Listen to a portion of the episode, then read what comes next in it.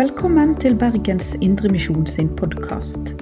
For mer informasjon om oss, besøk oss på betlehem.no, eller finn oss på Facebook og Instagram der som Bergens Indremisjon.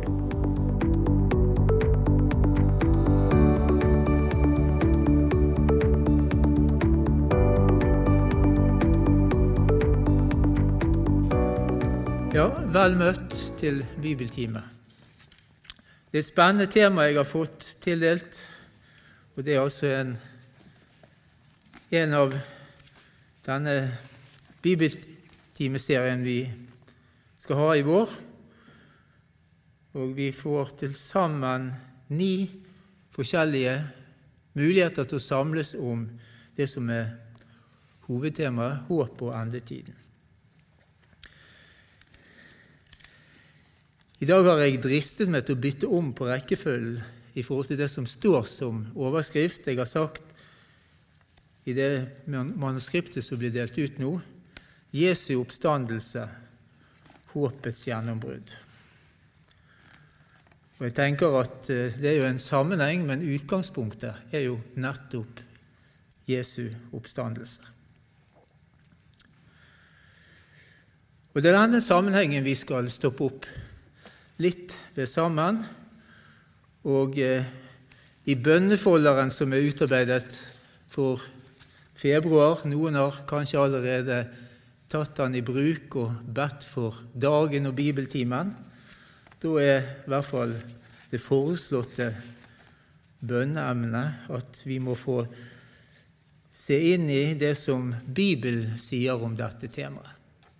Så det vil bli en gjennomgang av ulike skriftsteder som vi skal løfte fram for hverandre i kveld. Utgangspunktet er altså Jesu oppstandelse og det som Skriften gir av vitnesbyrd. Alle de fire evangelistene beskriver den tomme grav og de forteller om flere møter med den oppstandende Herre Jesus Kristus.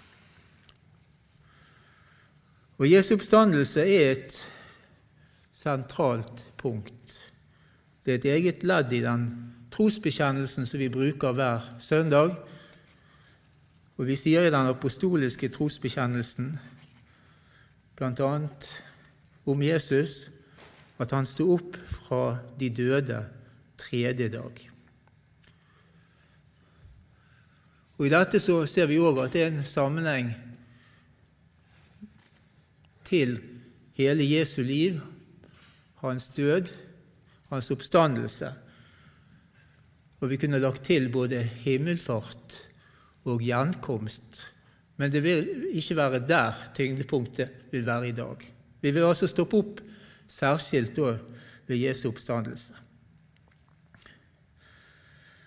Hos Paulus leser vi i 1. Korinterbrev kapittel 15 at Jesu oppstandelse er så betydningsfull at vi kan lese at Paulus sier da Men er Kristus ikke stått opp, da har dere en unyttig tro, og dere er fortsatt i deres synder. Det er interessant at Paulus henvender seg sånn. Han tør på et vis å trekke seg litt ut av den virkelighet som han er blitt overbevist om er sann. Og Vi vet jo Paulus var jo en som ble provosert av det de første kristne vitnet om, sa om Jesus. For det stoppet jo ikke opp ved Jesu korsfestelse. Det var jo en provokasjon for mange at Jesus sto fram slik han gjorde, med denne selvbevisste måte å tale på og handle på. Men så er altså ikke korsdøden det siste. Heller ikke det at han blir lagt i en grav bak en stein som ble bevoktet. Men de kommer altså til en tom grav, Det vet vi. Og så er det altså noen som begynner begynner å tale om at han har faktisk stått opp. Men har Kristus ikke stått opp, sier altså Paulus, så har vi en unyttig tro, og vi er fortsatt i våre synder. Det sier altså noe helt sentralt om virkningen av Jesu oppstandelse. Og Vi skal stoppe litt mer opp ved at dette er sentralt. Og det er ikke noe som man tar ut av løse luften, men det er altså noe som både Jesus har forberedt disiplene på forhånd om, og som også er på en måte tilrettelagt gjennom Skriftene som er allerede De skriftene de benytter seg av, altså det vi kjenner som Det gamle testamentet. Det skal vi gå litt inn i. Men først skal vi lese fra en av oppstandelsesberetningene. Og Da beveger vi oss på en måte litt lenger, litt seinere, enn det de første vitnene, som vi også leser om, som da gikk til graven.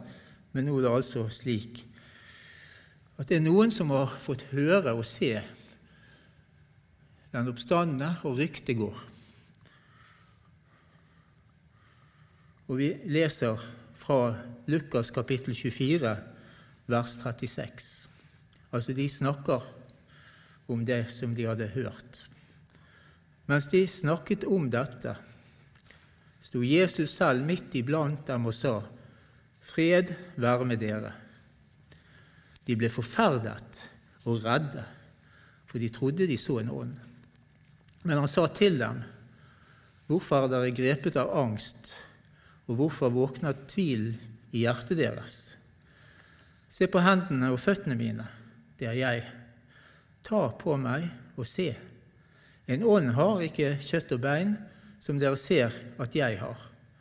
Dermed viste han dem hendene og føttene sine. Da de sin glede ennå ikke kunne tro, men bare undret seg, spurte han dem, Har dere noe å spise her? De ga ham et stykke stekt fisk. Han tok det og spiste mens de så på. Så sa han til dem, det var dette jeg talte om da jeg ennå var sammen med dere, og sa at alt måtte oppfylles som står skrevet om meg i Moseloven, hos profetene og i salmene. Da åpnet han deres forstand så de kunne forstå Skriftene. Og han sa til dem, slik står det skrevet, Messias skal lide og stå opp fra de døde tredje dag, og i hans navn skal omvendelse og tilgivelse for syndene forkynnes for alle folkeslag. Dere skal begynne i Jerusalem. Dere er vitner om dette. Og se, jeg sender over dere det som min far har lovet. Men dere skal bli i byen til dere blir utrustet med kraft fra det høye. Og så avslutter Lukas evangeliet ved at han fører de altså ut mot Betania, og han velsigner disiplene i det øyeblikk han også blir tatt opp til himmelen. Dette er altså et møte som vi skal stoppe opp litt med. Og Litt av grunnen til det er at vi ser at utgangspunktet er litt annerledes, men i løpet av disse minutter, kanskje timer, jeg vet ikke, vi vet ikke hvor lenge, så ser vi en utvikling hos disse som fikk være med på dette helt unike møtet. Innledningsvis var de grepet av angst, og de var tvilende. Deretter blir de undrende, men fortsatt vantro. Det er liksom Du ikke helt klarer å fatte det. Men så skjer det altså noe, og til slutt så uttrykker de både tilbedelse og glede. Så det må være altså noe med dette møtet. Og vi skal stoppe iallfall litt opp med denne teksten før vi også går inn i andre tekster.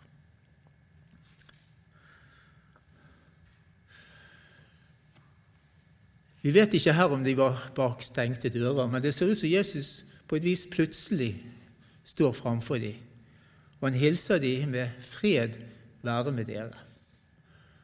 Dette var jo en hilsen som ble brukt, og som også disipler skulle bruke når de ble sendt ut. De skulle hilse folket de møtte med fred.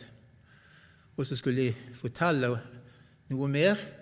Og hvis denne, dette budskapet ble mottatt, så skulle altså freden hvile over dem.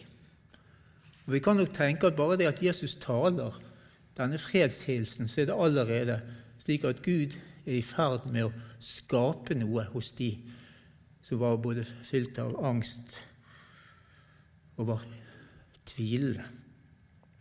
Men de er altså fortsatt undrende. Men allerede her ser vi at Jesus taler, og det er et ord som har iallfall muligheten i seg til å skape en ny virkelighet. Deretter ser vi at Jesus viser dem hendene og føttene.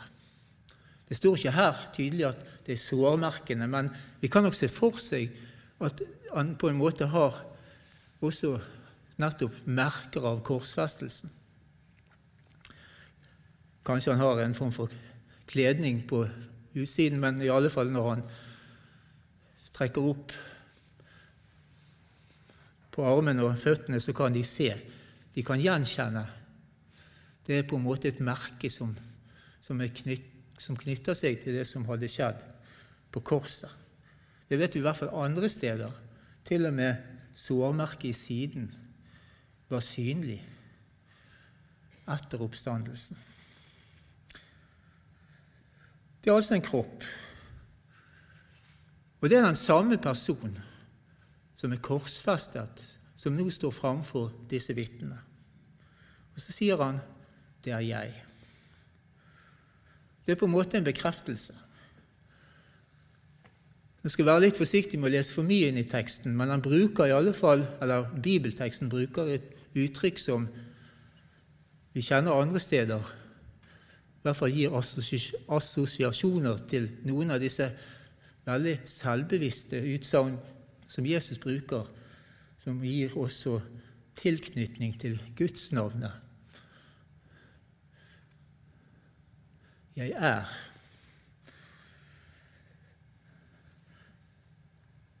Men i alle fall så er det den samme person som er korsfestet, som her står framfor disse vitnene. Så skjer det noe underlig. Og Det er kanskje for å understreke at det er faktisk en konkret person som er der, og ikke bare et syn. Han spiser et stykke steikt fisk. Sannsynligvis hadde de saltfisk tilgjengelig i Jerusalem. Men han spiser. Og en visjon kan jo ikke spise, det vet vi godt. Det er en umulighet. Selv illusjonister tror jeg vil ha vanskeligheter med å forsyne seg av fisk og tilegne seg det. Men jeg tror det er noe mer Jesus gjør her, som jeg vil bruke litt tid på. Og Det er nettopp det at han knytter forbindelse til det som allerede er skrevet i Skriften. Og han sier alt måtte oppfylles som står om meg i Moseloven, hos profetene og i salmene. Slik det står skrevet, Messias skal lide og stå opp fra de døde tredje dag. Dette er jo skrifter som har vært i alle år etterpå. Men det er nå tydelig at det å få øye på hva disse skriftene egentlig taler om, det er ikke uten videre en automatikk i. Og vi ser at her så sier teksten at Jesus åpnet deres forstand så de kunne forstå Skriftene. Og Det sier oss noe om at det dypest sett alltid er Guds gjerning at vi klarer å tilegne oss Skriftens budskap, som da har altså et særlig sentrum i Jesus Kristus. Og Dette gjelder her i første omgang den gamle testamentlige tekst. Men det gjelder jo også teksten som vi har fått, også som vi kjenner som Det nye testamentet. Nå var nok de ganske kjent med Skriftene, de som var der, men vi skal stoppe litt opp med noe av dette. Det begynner altså med at Jesus sier at Messias, og at egentlig han er Messias, og at han altså måtte oppfylle Skriftene. Messias det er det samme ordet som vi kjenner og bruker andre steder som Kristus, og det er ikke sikkert vi reflekterer så mye. De første gjorde nok en automatisk tilknytning når de hørte dette. Jesus Kristus. Ja, det er jo Messias vi taler om. Men hva dette betyr, det skal vi se litt på sammen. Men altså, Messias betyr jo også å være salvet, og det var en særlig måte knyttet til innvielse til tjenester viktige tjenester i folket som profet, konge og prest, som vi da vet. Det var en forventning knyttet til. Noen hadde kanskje bare forventning til at det skulle komme en profet, og vi vet at det var mange som hadde en forventning knyttet til at det skulle komme en konge. Noen hadde også en forventning om at det skulle komme en prest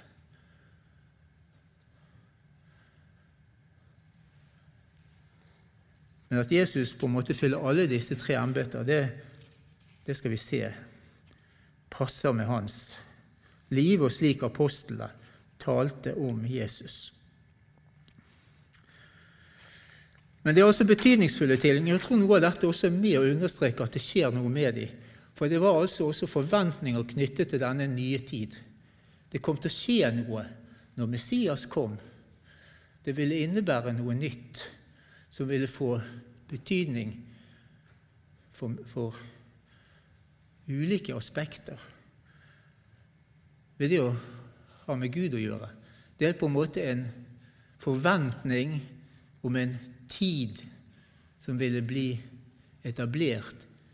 En fredstid, et fredsrike som skulle etableres. Et kongedømme som skulle etableres. Når Messias skulle komme. Og Det er altså fra Moses, profetene og Skriftene.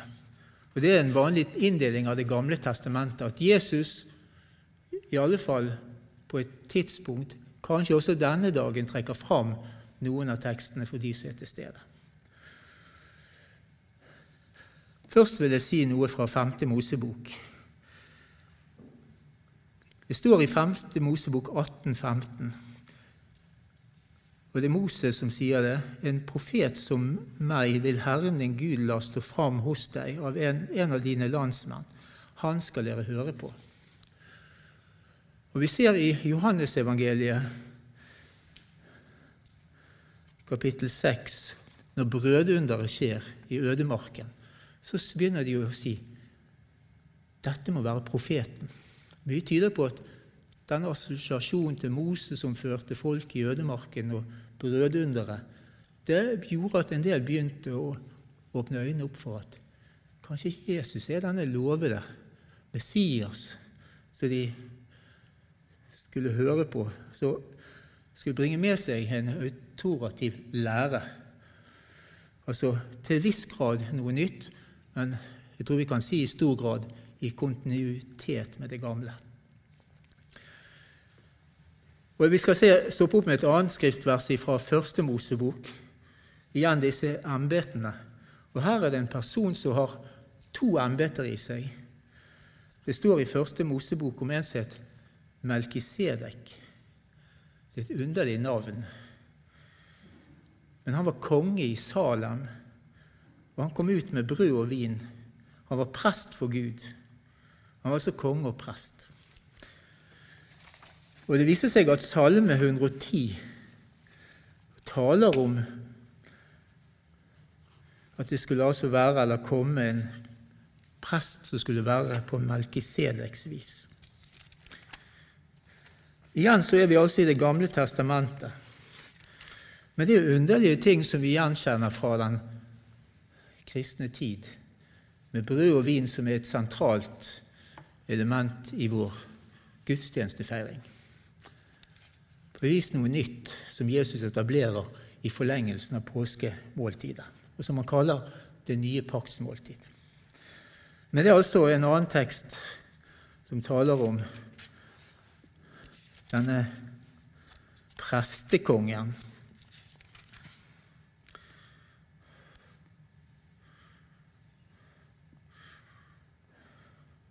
Du er prest til evig tid på Melkisedeks vis.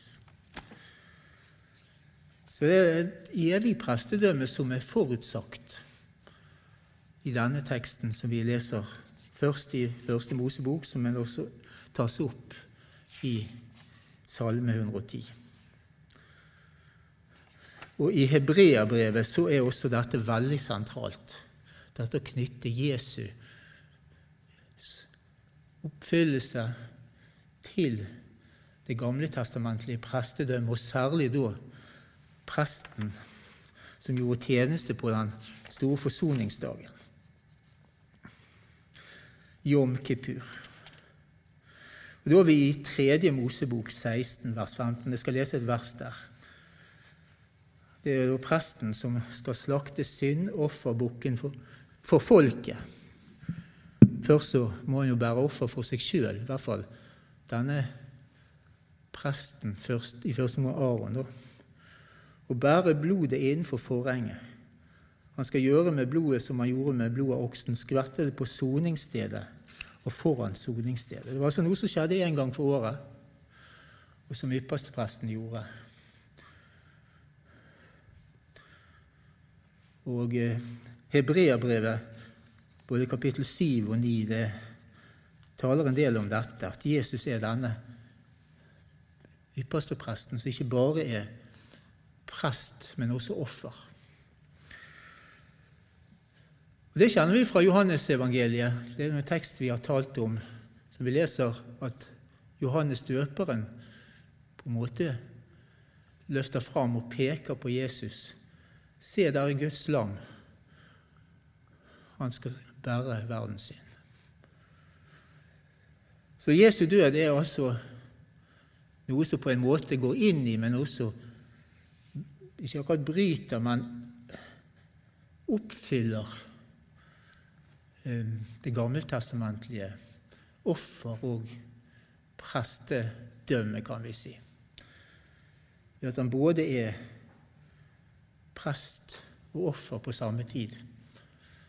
Ved at han gir sitt liv, utøser sitt blod, som et evig offer som gir tilgivelse for synd. Og det sier Hebreabrevet òg at det er et evig offer som gir tilgivelse for synd. Jeg skal ta, ta et par steder fra profetene også. Um, dette er skriftord som er bekreftet av apostler. så Det er ikke sånne, det kan være andre steder som har vært brukt i kirkehistorien, som på en måte er oppfylt av Kristus. Men dette er altså slik apostlene, eller det apostoliske vitnesbyrd knyttet tilbake til. Et av disse stedene som blir brukt, som vi leser i forbindelse med Johannesevangeliet, det er fra Zakaria 12. De skal se på meg, på ham som de har gjennomboret.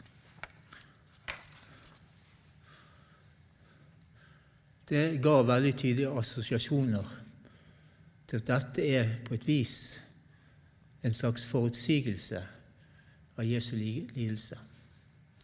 Det at han blir naglet og stukket i siden.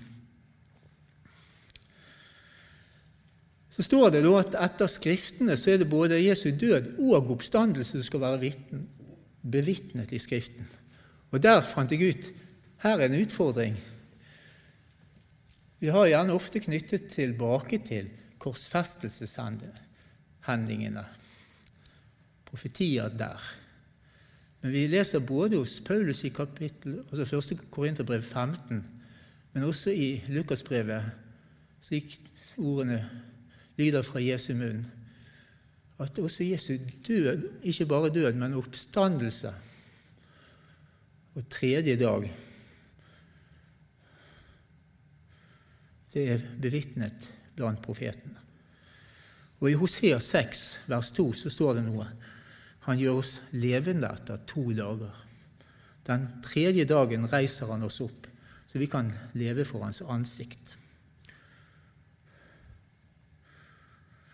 Dette er også en tekst som jeg tror peker videre, som knytter forbindelsen til Jesu oppstandelse inn i våre liv. Det skal vi stoppe opp litt med etter at vi har gått gjennom noen av disse tekstene i Det gamle testamentet. Så vi kan tenke oss at Jesus muligens først pekte på for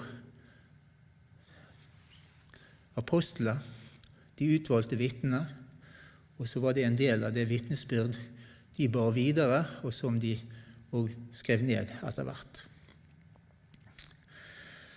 Vi har også et veldig kjent skriftsted om, som vi ofte siterer.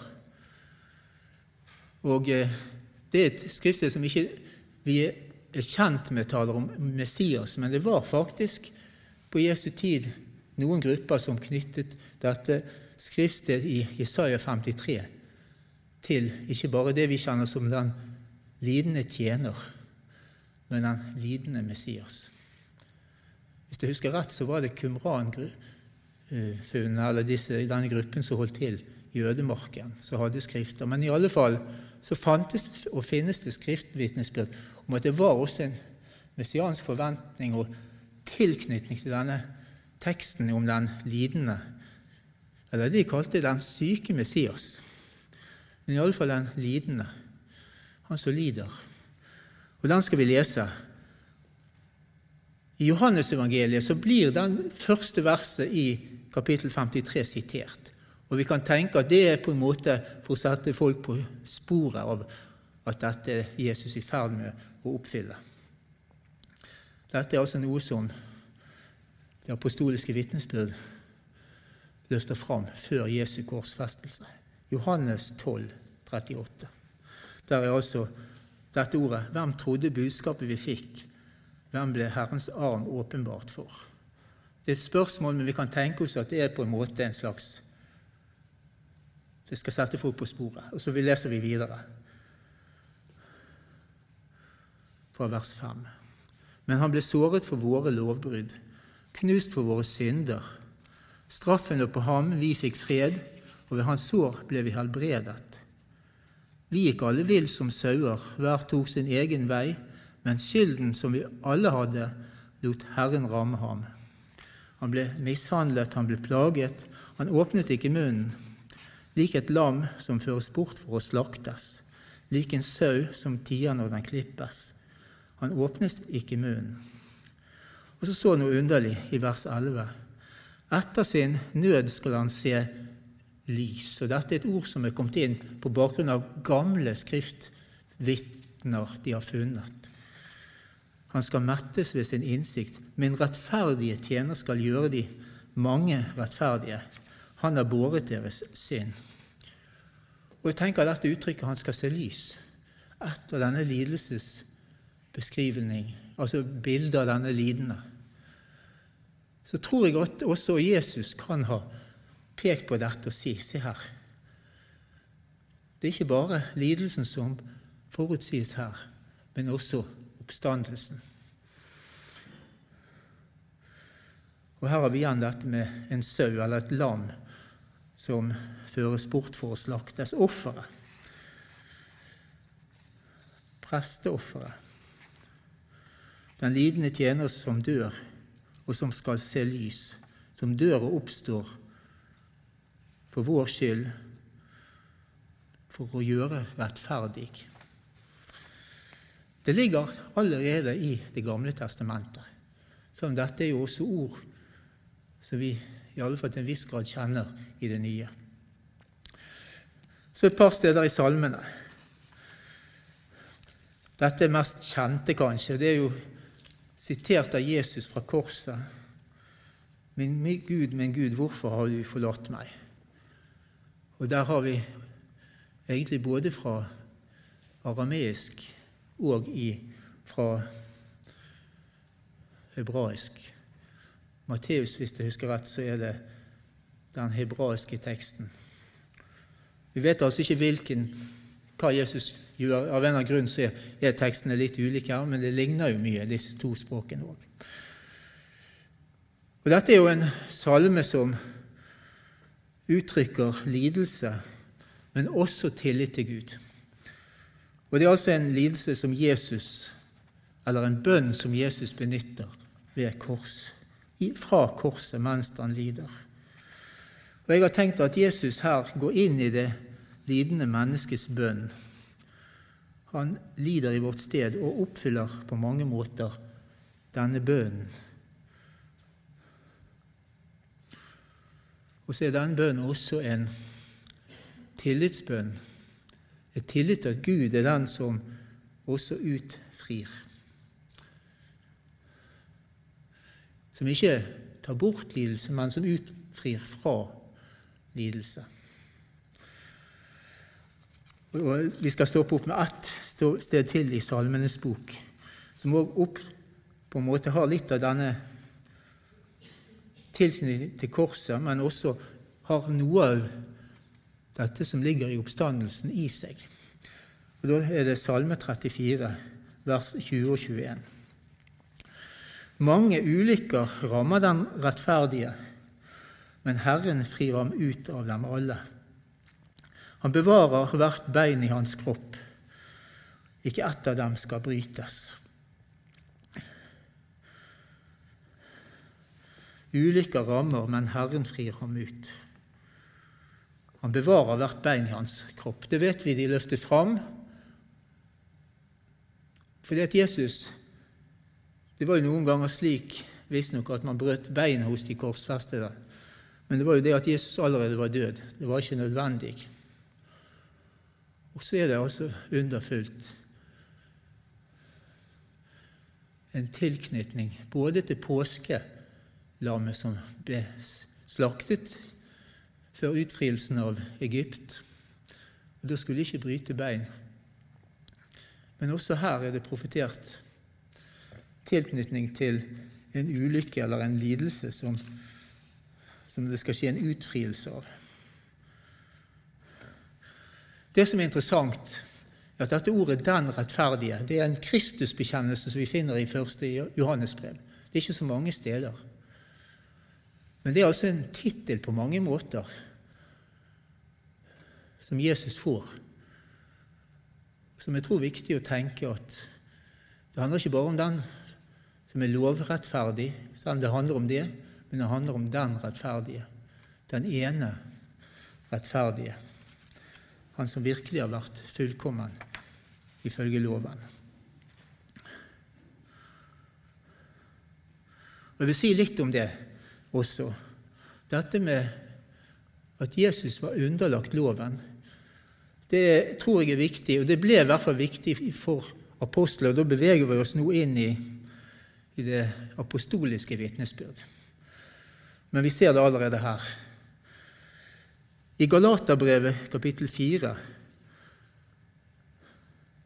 så er det ikke bare Jesu fødsel, eller det vi kaller inkarnasjon, som beskrives, men i tidens fylde sendte Gud sin sønn, født av en kvinne, født under loven. Han skulle kjøpe fri dem som sto under loven, så vi skulle få rettferden, retten til å være Guds barn. Det er ikke alltid vi tenker over det, men Jesus ikke bare en gudsåpenbaring, men han går altså inn i sann menneskelighet. Han er sant menneske. Men altså ikke bare en profet. Men han går altså inn i våre kår og inn i under lovens bud. Og vi vet han ble både omskåret åttende dag, hvis du husker rett, og etter renselsestiden, det var vel 40 dager, så ble han frambåret i tempelet. Det var slik man etter loven skulle gå fram. Så Jesu lovoppfyllelse det er både et uttrykk for hans fullkommenhet, at han ikke gjør synd, men det har en betydning i forhold til det som skjer i forlengelsen av korsfestelsen.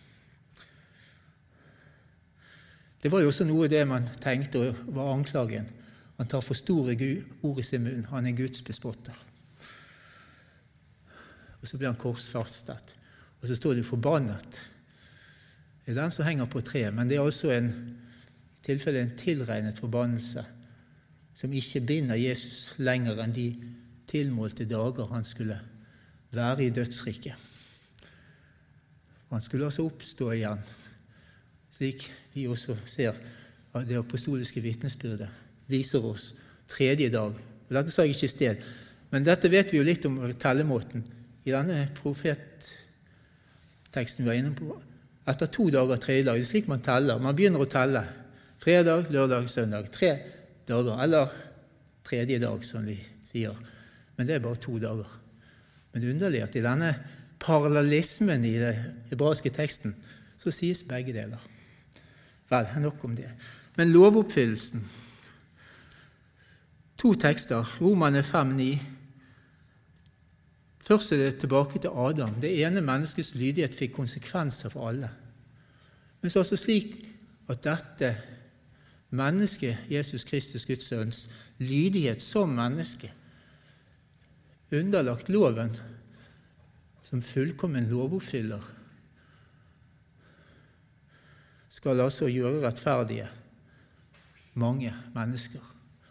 Det er altså en død som man egentlig ikke skal på en måte smake på sin egen del, for syndens lønn var døden. Men han dør. Men han oppstår igjen, fordi at døden hadde ikke krav på han. Men likevel så blir altså Jesu død betydningsfull. Gud, Guds sønn, dør som menneske i vårt sted. Og så blir det altså tilregnet oss som rettferdighet. Det er altså en tilregning. Gud har på en måte tatt på seg synden, syndemennesket, alle menneskers synd. Og så kan Gud på en måte se forbi synden og for Jesus skyld i troen gi del i rettferdighet av bare nåde. Jeg skal ta en til tekst, Roman 1. Den sier også noe av dette med oppstandelsen. Eh, jeg vet ikke om jeg leser hele. er Paulus sier jo Han hilser jo da. Han sier Gud på forhånd har gitt løfte om gjennom sine profeter i hellige skrifter. Det er evangeliet om hans sønn Jesus Kristus, vår Herre, komme som menneske av Davids ett, og ved Hellighetsånd stadfestes som Guds mektige sønn ved oppstandelsen fra de døde. Altså Det er noe som blir bevitnet i oppstandelsen. Også at han er rettferdig, at lidelsen har skjedd, og at disse skriftord om den lidende tjener er oppfylt. Nå har altså denne lidende tjener båret vår synd slik Skriften forutså. Han er altså den som bærer synden for at tilgivelse og fred skal deles ut til syndige mennesker som ikke har fullkommenhet etter loven i sitt liv og i sine gjerninger. Ja, Det er grunnlaget, og vi har på en måte allerede beveget oss inn i betydningen av Jesu oppstandelse. For vi ser at disse tekstene har jo også et løfte. De peker videre inn imot mennesker. Men eh, nå tenker jeg at vi skal gå mer inn i den apostoliske forkynnelse. For da er også den nye virkeligheten etablert. Og en av disse tekstene, eller Den teksten som jeg skal begynne med, den, eh, den ble sitert sist bibeltime. Men Jesus sier i hvert fall i hans navn, altså i Messias navn, skal omvendelse og tilgivelse for syndene forkynnes for alle folkeslag. Og igjen, da bryter det ut av dette folket det er også noe som skal ha gyldighet for alle mennesker. Akkurat så syndefallet fikk i sin tid betydning for alle menneskers livsvilkår. Det ene fallet ble, fikk konsekvenser for alle, også for den ene rettferdige. Vidstrakte konsekvenser. Potensielt for alle mennesker. Men det er altså noe som må tilegnes, som må rekkes oss. Og igjen, Derfor så har også vitnesbyrdet en betydning. Dåpen er den vanlige begynnelse der vi knyttes til Kristus. Og Vi vet i den apostoliske forkynnelse, når Peter sto fram, så knytter han altså dette løftet om Hellig Ånd og tilgivelse for syndene med å la seg døpe. I Romane 6,4 så står det vi ble begravet med ham da vi ble døpt med denne dåpen til døden. Og som Kristus ble reist opp fra i døde ved sin fars herlighet, skal også vi vandre et nytt liv. Har vi vokst sammen med Kristus i en død som er lik hans, skal vi være ett med ham i en oppstandelse som er lik hans. Dåpen forkynner livet med Kristus. Vi kunne sagt oppstandelseslivet, men det er altså en forbindelse til Jesu død og oppstandelse i dåpshandlingen. Og vi vet at vannet hadde en betydning. Det var skremmende, det var potensielt livsødeleggende. Du kunne drukne, men det kunne også gi liv. Og så vet vi i dåpshandlingen, i hvert fall med full neddykkelse så er det veldig tydelig at man skal begraves og oppreises med Kristus. Men det var ikke alltid så mye vann, så vi vet fra den første tid at de også brukte andre måter å uttrykke vannsymbolikken på. Selv om innholdet i dåpen er den samme, tilknytning til Kristi, Jesu Kristi døde oppstandelse, løftet knyttet til det, så var det overøsling av rennende vann. Det var liksom det livgivende vannet som var det sentrale når man ikke hadde nok vann. Og Vi kan tenke egentlig også der at det sentrale i dåpslivet, det er oppstandelsen. Det er det nye livet. Det er altså noe nytt man får del i i troen på Jesus. Men det er også noe som skal ta slutt, eller noe som vi skal erkjenne, kanskje vi kan si. Og Derfor har jeg sagt også at død og oppstanden med Kristus det har sin parallell i forkynnelsen av lov og evangelium, av synd og nåde. Synden skal avsløres for at nåden får være nåde, ufortjent, knyttet til et løfte noe egentlig som bare Gud kan gjøre og gi. Slik også parallell vi vet romerbrevet også legger i forhold til løftebarnet som ble gitt Sara og Abraham. Men altså, når Paulus taler videre i Romane 7 f.eks., så taler han også om at det er noe som skal dø. Og han sier synden benytter seg av budet og vakte alle slags begjær i meg. Men uten loven er synden død. Før levde jeg uten loven. Men da budet kom, fikk synden liv, og jeg døde. Det budet som skulle gi meg liv, viste seg å føre til død. Jeg skal ikke si for mye her, men det er noe av det som egentlig tydeliggjør oppstandelsen også død og oppstanden med Kristus. Det at vi også noen ganger jevnt og trutt blir avslørt i vårt indre. Vi er ikke fullkommen enda som mennesker. Og som Paulus sier, kanskje var hans selvrettferdighet som fikk en knekk. Men så er det altså et løfte som forkynner syndere på livsvandringen. Ufortjent så reises man opp for Jesus skyld av bare nåde. Dine synder er deg tilgitt for Jesus skyld. Noe av dette ser vi også i korsfestelsen i Jesu på en måte plassering mellom to slag syndere. Begge har gjort noe galt. Den ene innrømmer det overfor Jesus, eller i hvert fall slik vitnesbyrdet er, at han sier til den andre. Da. Og så ser han at Jesus er rettferdig. Husk på meg, husk på meg. To slags syndere. Det er en som får et løfte. I dag skal du få være med meg i paradis. Oppstandelsen, rettferdiggjørelsen, det er på en måte en foregrepet oppstandelse. Vi kan si det er håpets begynnelse allerede, selv om det er også noe som gjenstår i fullendelsen. Men det er allerede et oppstandelsesliv som forkynnes oss i troen, gjennom løftet som rekkes oss ufortjent. Ufortjent av Hans nåde blir de kjent rettferdige, står det i Romane 3, 24. Frikjøpt i Kristus Jesus. Han har Gud synlig stilt fram for at hans ved sitt blod skulle være soningsstedet for dem som tror. Slik viste Gud sin rettferdighet. Og videre, vi skal bli regnet som rettferdige når vi tror på Ham som reiste Jesus, vår Herre, opp fra de døde.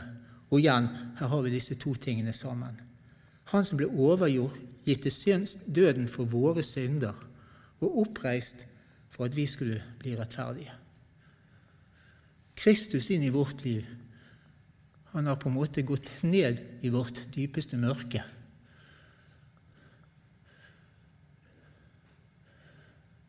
Og så reiser han opp igjen. Og så skal vi få reises opp igjen med Han, ufortjent av bare nåde, og bli tilgitt for Jesus skyld. Jeg skal lese en litt lengre tekst der også fra Efeserbrevet. Men der er det veldig tydelig at denne, dette nye livet det er som å gå fra død til liv. Efeserbrevet jeg skal ikke lese alt der, men dere var en gang døde av misgjerningene og syndene deres. Efeserne 2,1. Av naturen var vi vredens barn, liksom de andre. Men Gud er rik på barmhjertighet. For han elsket oss fordi han elsket oss med så stor kjærlighet, gjorde han oss levende med Kristus. I Kristus har han reist oss opp fra døden sammen med han. Og ikke bare det, satt oss i himmelen sammen med Han. Så vi kunne godt lagt til at oppstandelsen også har betydning. Men denne forening med Kristus, som i første gang skjedde i dåpen, og som skjer i troen, den innebar også en tilknytning, ikke bare til den oppstandende Herre, men også den personen Jesus som sitter ved Faderens høyre hånd i himmelen og regjerer fortsatt som konge, som vår ypperste prest. Ja, han går i forbønn for oss, står det. Troen oppreiser fra død og gir liv, og vårt hjemland er i himmelen. Så skal jeg si litt om håpet i det kristne livet, for det er også andre erfaringer. Ikke bare synd. Vi kan oppleve dødsfare. Og det leser vi også at disse apostlene gjorde. Jeg vil at dere skal vite, søsken, om den nød vi led i Asia. Det var mye mer enn vi kunne bære. Vi så ingen utvei til å berge livet. Vi regnet oss alt som dødsdømte for at vi ikke skulle stole på oss selv, men på Gud som oppreiser fra de døde. Altså en erfaring av at Gud kan snu. Gud har makt. Og han reddet, reddet oss fra den visse død, og han skal gjøre det igjen. Til ham har vi satt vår håp, og han skal redde oss på ny. Og Vi ser her at det er liksom oppstandelseskreftene som er virksom i det kristne livet, som er på en måte overgitt de kår som vi lever under. Dødsfare, men også slik at en kristen har oppstandelsens løfte med seg, og Gud kan gjøre de utroligste ting. Gud gjorde under, og Gud gjør fortsatt under.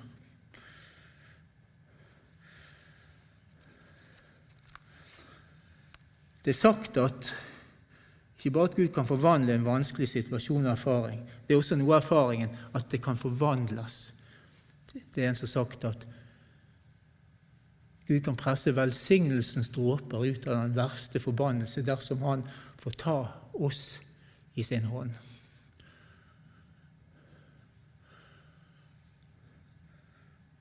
Og andre har sagt etter langfredag kommer alltid en påskedag. Det er på en måte kristne, kristenlivets kor. Det er alltid noe mer. Det siste ordet er aldri sagt, fall ikke til nå. Det er altså oppstandelsesropet når Herren kommer, som gjenstår for alle. Det vil alltid være en påskedag i vente i et kristen menneskes liv. Paulus sier videre Jeg skal lese så jeg klarer å komme noenlunde i havn her. Jeg mener at det vi skal lide i den verden, tiden som nå er, ikke kan regnes for noe mot den herligheten som en gang skal åpenbares og bli vår. For det skapte venter med lengsel på at Guds barn skal åpenbares i herlighet. Det skapte ble underlagt forgjengeligheten. Ikke frivillig, men fordi han ville det slik. Likevel var det håp. Også det skapte skal bli frigjort fra slaveriet under forgjengeligheten og få den frihet som Guds barn skal eie herligheten. Så det er altså noe på en måte dødskrefter som lever videre, men det er altså et herlig håp som gjenstår alltid. Vi lever i trengsel, vi er underlagt forgjengelighet, men den som tror, har håp om en framtidig frihet og herlighet. Så vil jeg lese et ord som har betydd en del for meg sjøl i en periode når jeg var syk og ikke helt visste utfallet. Her står det ingen av oss lever for seg selv, ingen dør for seg selv. Om vi lever, så lever vi for Herren. Om vi dør, så dør vi for Herren. Om vi da lever eller dør, hører vi Herren til. Det var derfor Kristus døde og ble levende igjen, for at han skulle være herre over både levende og døde. Så vi hører altså en oppstandet Kristus og Herre til i liv og død. Og han er med sine alle dager. Også gjennom disse smertefulle ting som vi på ulike måter erfarer i livet som kristen. Også oss vi opplever, og forgjengelighet og vanskelige dager. Men Kristus er hos oss ifølge sitt ord og løfte. Og han kan forvandle, og han har egentlig alle ting i sin hånd. Enda et vers fra egentlig, tror jeg, det eldste skrift kan ikke si så mye om det. Første Testalonika-brev. Jeg hørte i dag om en tale som løfter fram dette, at dette eldste brev fra Paulus, som ble skrevet ja, på 40-tallet en gang Men Paulus ble omvendt ca. tre år etter oppstandelsen. Og denne personen som hørte på, sa at Paulus må jo ha hørt forargelige ord, og ikke minst høye bekjennelser om Jesus som er stått opp. At de var overbevist om at det Jesus sa og gjorde, var sant. Og så vet vi at Paulus også fikk et møte som forvandlet. Men han sier, for det er jo allerede da forfølgelse som har skjedd Vi leser om Stefanus, som Paulus var vitne til, ble steinet, og også andre. Men han sier, sier vi vil at dere skal vite, søsken, hva som skjer med dem som er sovnet inn. Dere skal ikke sørge som de andre, de som er uten håp. For om Kristus døde og sto opp, og det tror vi, så skal Gud også ved Kristus føre dem som er sovnet inn, sammen med ham. Altså i oppstandelsen, eller gjenkomsten, skal også de døde få se. Det er ikke bare en erfaring her i livet, men det er også en, det er et håp i møte også med sorg og død. En gang skal de troende i Kristus bli reist opp av grav. Og de skal ikke være tilbake. Det er de første som skal få høre og erfare det som gjenstår i det som på mange måter er tilveiebrakt ved Jesu død og oppstandelse for vår skyld allerede nå. Ja, eh, Nå nærmer vi oss det herlige håp og Jesu gjenkomst. Eh, jeg tror ikke jeg skal lese alle tekstene. 2. Tessalonikerne 1.6-10. Der er det også dette med at Jesu gjenkomst vil gi Jesu fiender en evig fortapelse, men vil føre til en hyllest av Herren Jesus blant alle som tror. Så det er en gjengjeldelse. Så det er på en måte noe jeg tror de fleste kristne sørger litt over, at det er faktisk en fortapelse. Kanskje noen av de vi kjenner, men vi vet jo ikke. Gud evner jo å snu, vet vi også. Hjerter. Selv om ikke vi har fått øye på det. Men det er iallfall et herlig og trøstefullt ord som, som jeg har lyst til å lese i det som venter oss i herligheten fra åpenbaringsboken. Han skal tørke bort hver tåre fra deres øyne, og døden skal ikke være mer. Ikke sorg, ikke skrik eller smerte, for det som en gang var, er borte. Åpenbaringen 3, vers 4. Og Dette er vårt håp og vår trøst i Kristus, at det også er noe som gjenstår i gjenkomsten og i den andre oppstandelse. Så vil jeg si helt til slutt med et ord fra Paulus i det andre Tessalonikerbrev. Det er en formaning han gir, så jeg tenker vi kan også dele med hverandre i dag. Stå derfor fast, søsken, ta vare på de overleveringene vi har undervist dere i, enten muntlig eller i brev. Vår Herre Jesus Kristus selv og Gud vår Far, som har elsket oss, hvis det nåde gitt oss en evig trøst og et rikt håp, må Han gi deres, altså våre hjerter, mot og styrke til alt godt i ord og gjerning. Helt til slutt. Jesus sier, 'Jeg er oppstandelsen og livet.' Den som tror, skal leve om han enn dør. Og hver den som lever og tror på meg, skal aldri i evighet dø. Slik lyder Herrens ord. Jesu oppstandelse, håpets gjennombrudd. Det nye liv har allerede brutt inn iblant oss i våre liv. Du har lytta til Bergens Indremisjon sin podkast. For mer informasjon om oss, besøk oss på betlehem.no, eller finn oss på Facebook og Instagram der som Bergens Indremisjon.